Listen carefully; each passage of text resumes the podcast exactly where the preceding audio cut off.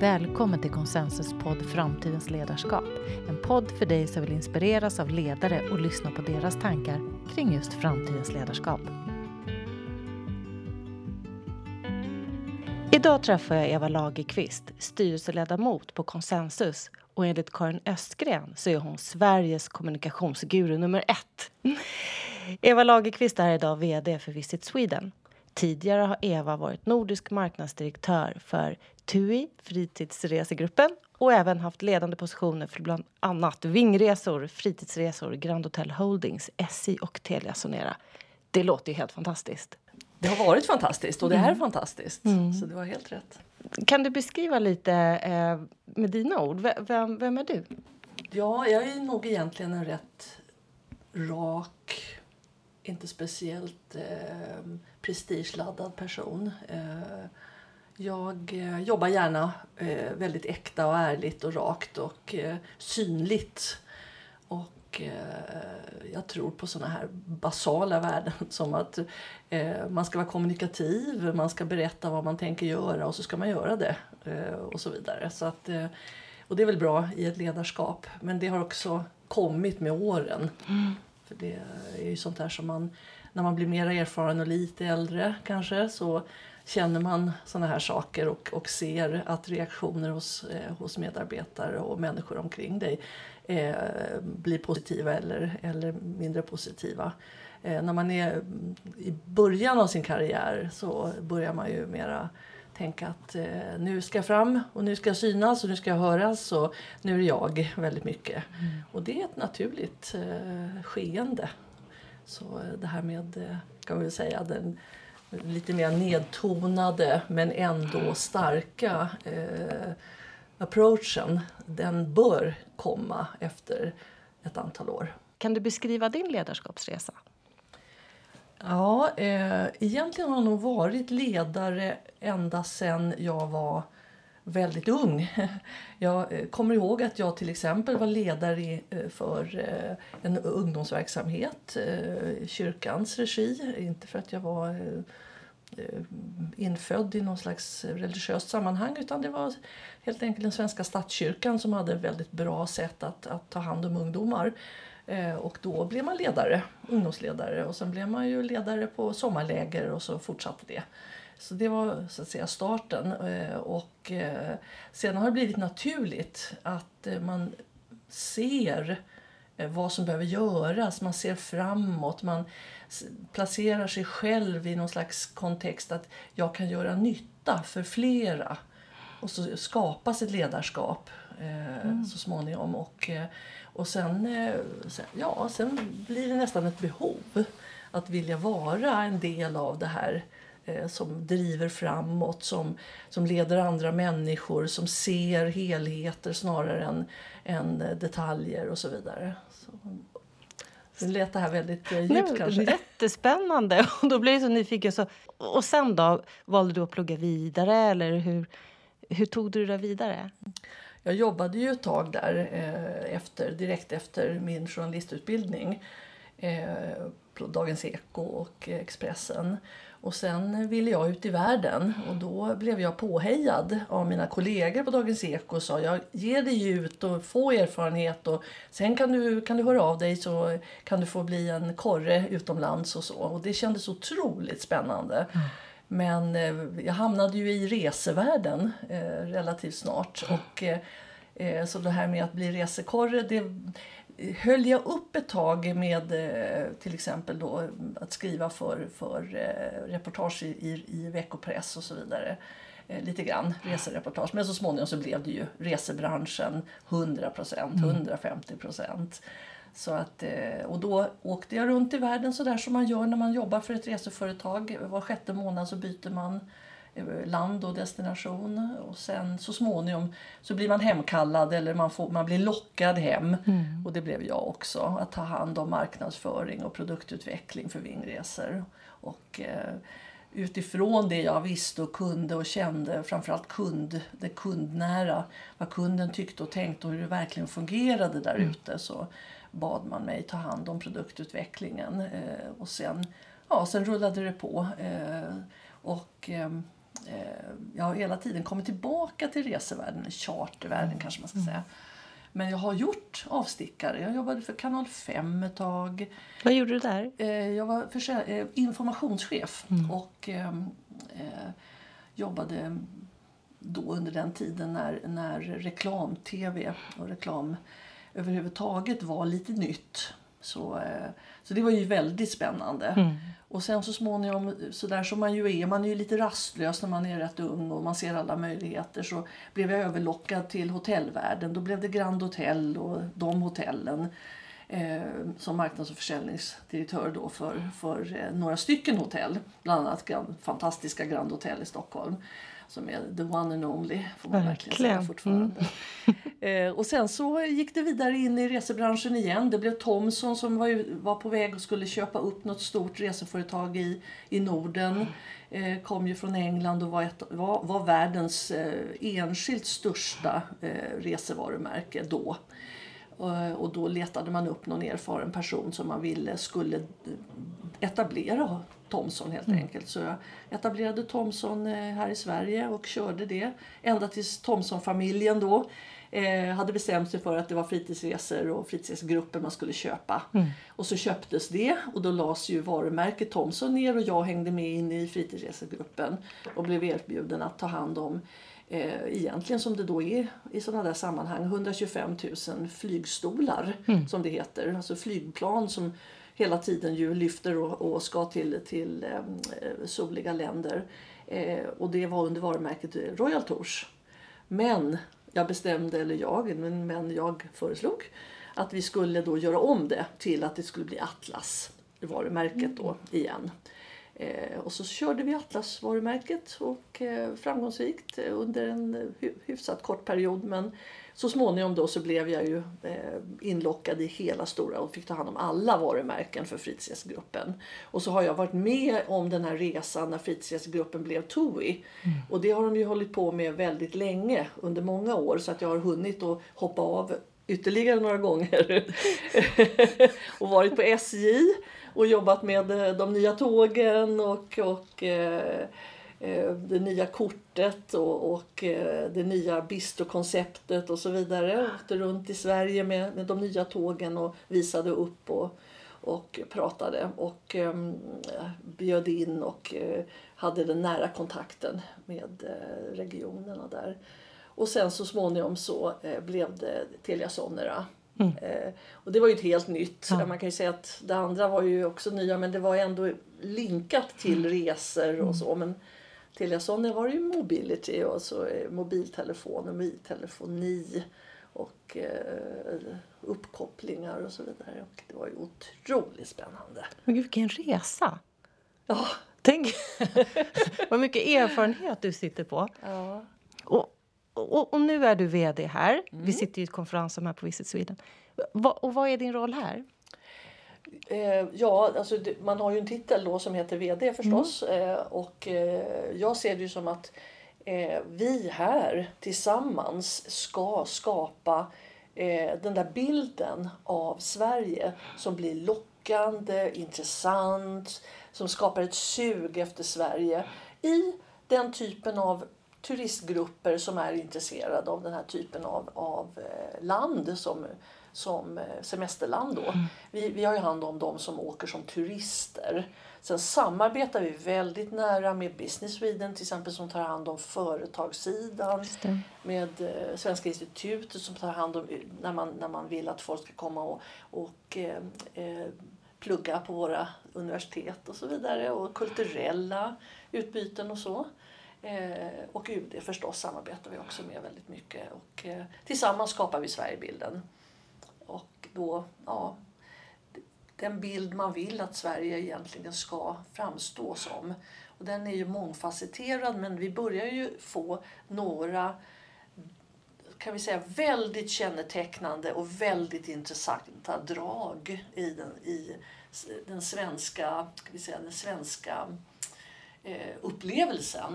Som gör att vi, vi har människor som kommer från Kina, från Indien, från USA, eh, hela Europa och så vidare. Eh, och verkligen eh, drar fördel av den här närheten till naturen. De vill gärna se hur fungerar den här öppna livsstilen? Det låter ju som att vi liksom är, vi är öppna och välkomnande och vi, vi har lagar som är, är ofta väldigt annorlunda lagar i länder långt bort och så vidare. Och allt det här lockar. Mm. Förutom det som ju givetvis är så självklart med maten mm. och alla, alla, natur, alla upplevelser av kulturen och så vidare. Mm. Men, men annars så är det väldigt mycket det här med hur lever folk i det här landet där papper tar lång pappaledighet och man ser papper som byter blöjor på McDonalds och och eh, så vidare. Alltså det är ett, ett väldigt annorlunda land för många eh, mm. kulturer mm. som kommer och besöker oss. Jag. Jag, jag tittade på er hemsida eh, och ser också det, ja, lite hur ni tog fasta på det här med upplevelser, de här detaljerna. Det står någonting vi har inte Eiffeltornet, vi har inte ja, det och det, men vi har det här med människor och vi har de här situationerna och det här unika. Och då tänker jag genast på det här med kommunikation och, och, när man bygger saker. Då tänker jag på det här allt du har berättat. När man bygger image på, ja, men bygga image i olika länder och nu bygger du här hemma. Jag tänker du som har varit runt då, i olika delar av världen. Det måste vara väldigt spännande. Mm. Ja, det är ju egentligen samma teknik om man nu får kalla det för, eller hantverk mm. vill jag kalla det för. För det är ett hantverk, det är ju en massa människor som skapar det här tillsammans. Och det, den digitala tekniken hjälper oss att, att, så att säga, bli tillgängliga. Eh, och, så då, vi behöver ju definitivt det och det har varit ett riktigt språng kan vi säga för, för hela turist och besöksbranschen. Men, men någonstans så är det ju alltid människor mm. på alla ställen som skapar upplevelsen. Och ehm, för att ta ett, ett eh, väldigt kärt ämne just nu. Eh, vi pratar ju mycket hållbarhet. Och vi har ett väldigt försprång i Sverige för att eh, vi har alla som bor i Sverige och alla som lever här och jobbar här har ju pratat hållbarhet och känt och velat, velat skapa hållbarhet under så många år. Så det är inte så där som att man bestämmer sig någonstans för att Nej, men nu ska vi, göra, ska vi vara något och så måste man måste man ut och missionera det i tio år för att det överhuvudtaget ska börja fungera. Här har vi det faktiskt näst, nästan i folksjälen. Det här att ta hand om naturen, att, att inte slösa, att vara schyssta mot varandra på arbetsmarknaden och så vidare. Mm. Allt det här är ju hållbarhet. Mm. Eh, och inte minst ledarskap som ju har varit eh, attraktivt att, att exportera det svenska ledarskapet eh, under ett många år faktiskt. Men du som har så lång erfarenhet av alla de här länderna och nu sitter du här på Visit Sweden och bygger den här bilden och för att glida in på det här med ledarskap. Man pratar om det svenska ledarskapet. Kan inte du berätta lite om hur du ser på det? Jag tror att jag är en sån här typ, typisk svensk ledare, nämligen att vi Eh, utgår ifrån någon slags respekt för mänskliga värden. Att människ, det är människor vi liksom ser framför oss när vi leder. Och det är individer vi ser och vi har, blandar ett, ett rätt, eh, kan vi säga, eh, stringent led, verkligen ledarskap med att vara respektfulla och rätt ödmjuka.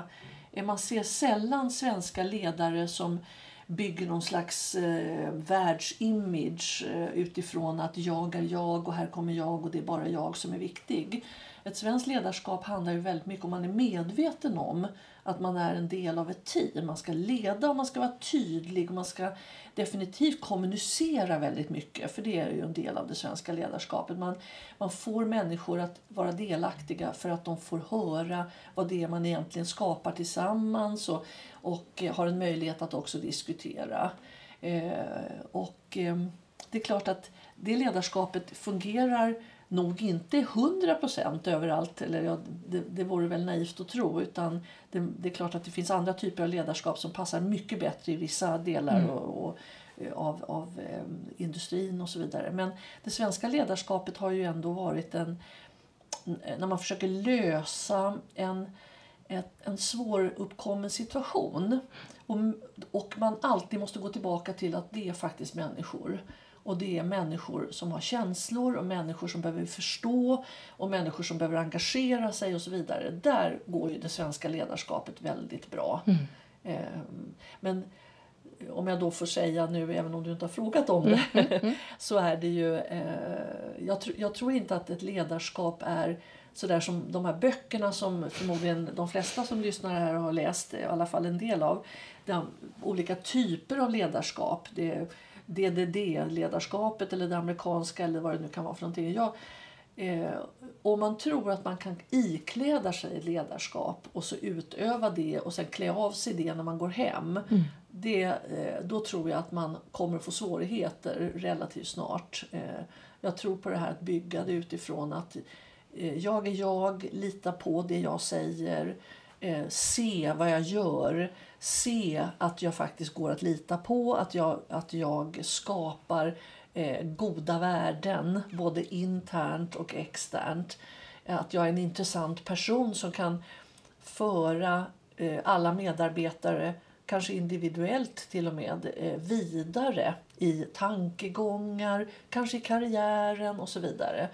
Eh, och, och också är en tydlig ledare som finns där, som syns, som inte har några konstigheter mm. för sig, som inte hittar på någon, någon mystifiering utan är lika mycket en del av verksamheten som vilken medarbetare som helst. Men har ett speciellt uppdrag att leda och att visa vägen, ta ansvar och, och förklara mm. kan man väl säga. Mm.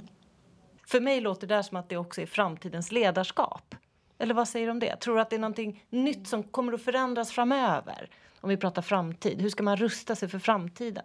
Man alltid går fortare, det går snabbare. Vad behöver vi framöver? Jättesvår fråga för att eh, som sagt det är en, man får på något sätt leva in i framtiden eh, istället för att veta och hoppa dit.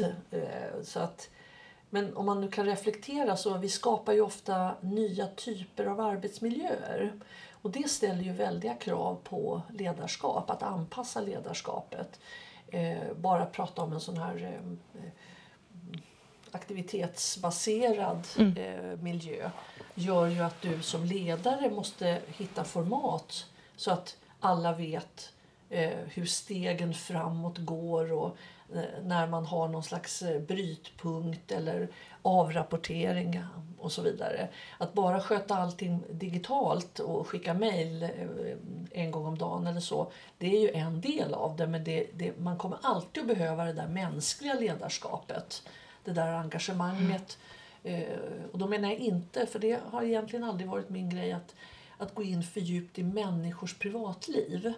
Eh, jag vill ju gärna se människan som den professionella eh, varelse mm. som man är när man är i en arbetssituation. Men sen ska man veta vem personen är så att man känner personen. Men därmed så behöver man så att säga inte veta djupt vad alla förutsättningar där hemma och så vidare. Om inte personen själv tycker att det är en del av eller måste eh, vara med i en diskussion i något sammanhang. Men, eh, så ledarskapet behöver följa med mm. eh, vad som händer. Och, eh, men jag tror att i, i botten så är det fortfarande det kommunikativa, närvarande, synliga, ansvarstagande, bevisande ledarskapet.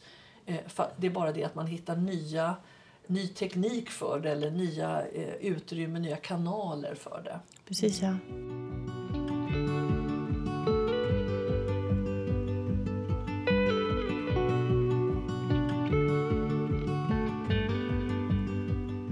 Det jag hör när du pratar det är att, att det handlar egentligen om kommunikation på olika plan. Kan inte du utveckla? Man brukar säga att du, du är en kommunikativ ledare. brukar man säga. Men jag säger så här, nej man kan inte vara o, alltså kommunikativ måste man ju alltid vara. Alltså det är så otroligt grundläggande för ett ledarskap. Eh, och eh, idag har vi otroliga möjligheter att kommunicera på olika sätt och använda olika sätt för att förstärka det vi faktiskt vill komma fram med.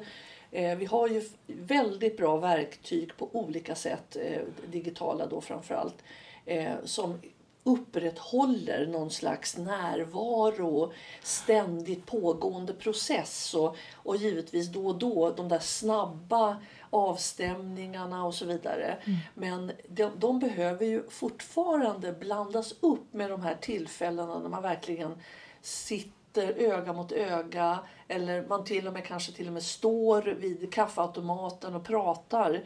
Eh, då är det faktiskt det här, så här klistret emellan eh, mm.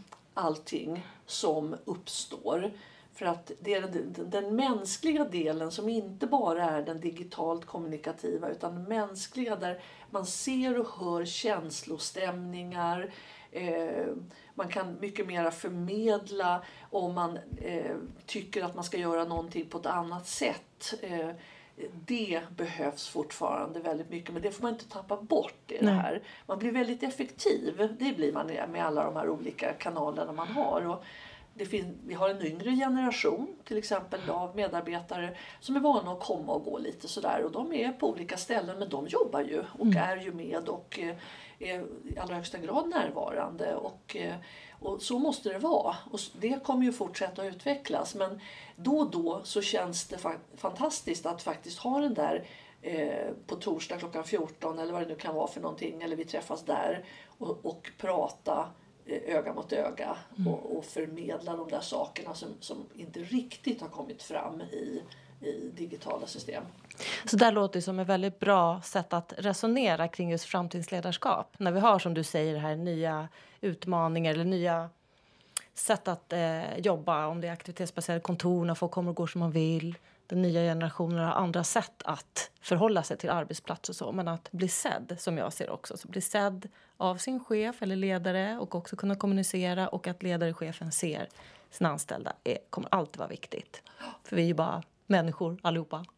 Absolut, absolut. Och vi blir ju gärna, vi, vi är ju väldigt eh, kan vi säga, exalterade över all utveckling av naturliga skäl. Mm. Vi ser de där möjligheterna som liksom aldrig tar slut när det gäller det här med hur man kan dokumentera och kommunicera och mm. så vidare och uttrycka sig och alla, alla har sin egen, eh, sitt eget varumärke som man bevakar och så vidare. Men, men precis som du säger, någonstans där så får man ju inte tappa det att vi faktiskt är människor som vill bli sedda, som vill bli hörda, som behöver omtanke, behöver mm. den där extra djupa förklaringen mm. och, som kan få, och som också kan höra att en, till exempel en ledare då säger att jag, är ledsen, jag har inget svar på det där.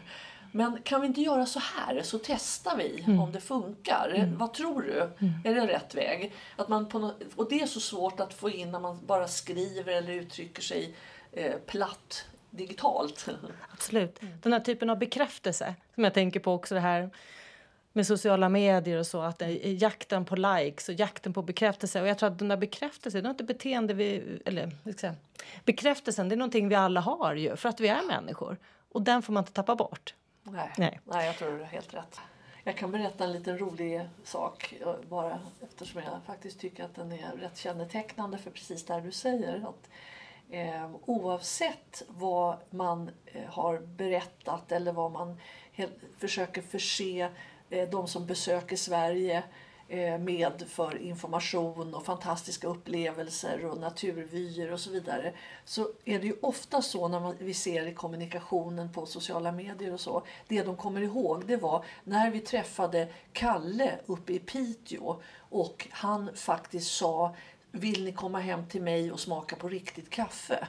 Eller någonting så. Alltså de här, kan vi säga, totalt eh, oförväntade och väldigt allmänmänskliga mötena är ju så otroligt mm. stora mm. i alla människors sammanhang. Oavsett om man har en checklista, för det har vissa faktiskt, och, och tickar av alla. Vi ska se det och så ska vi se det och så ska vi se det och så ska vi uppleva det och så ska vi smaka på det här och ska vi, för det då har vi upplevt Sverige. Men just det där som bryter av. Mm.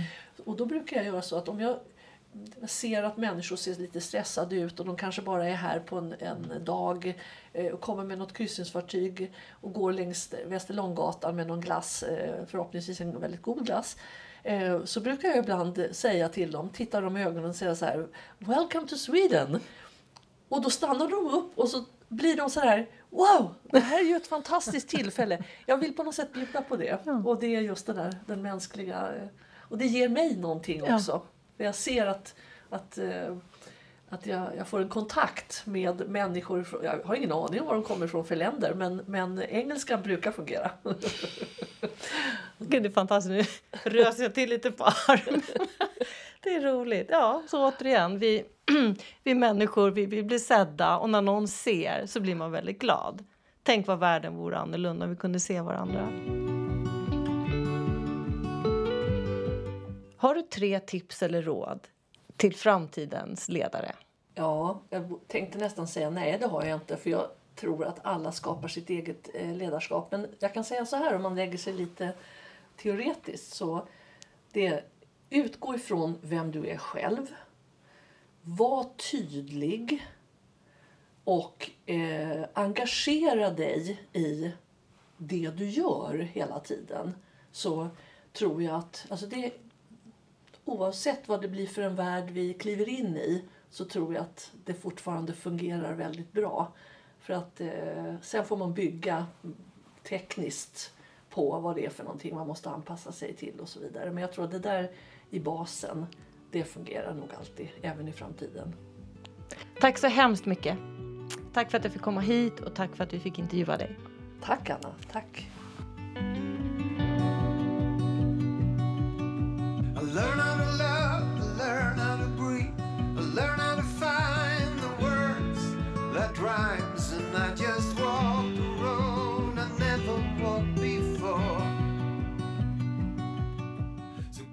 Vill du ha mer information om konsensus, gå in på www.konsensus.nu. Och jag som intervjuar gästerna heter Anna Moore och är en av bolagets fristående konsulter.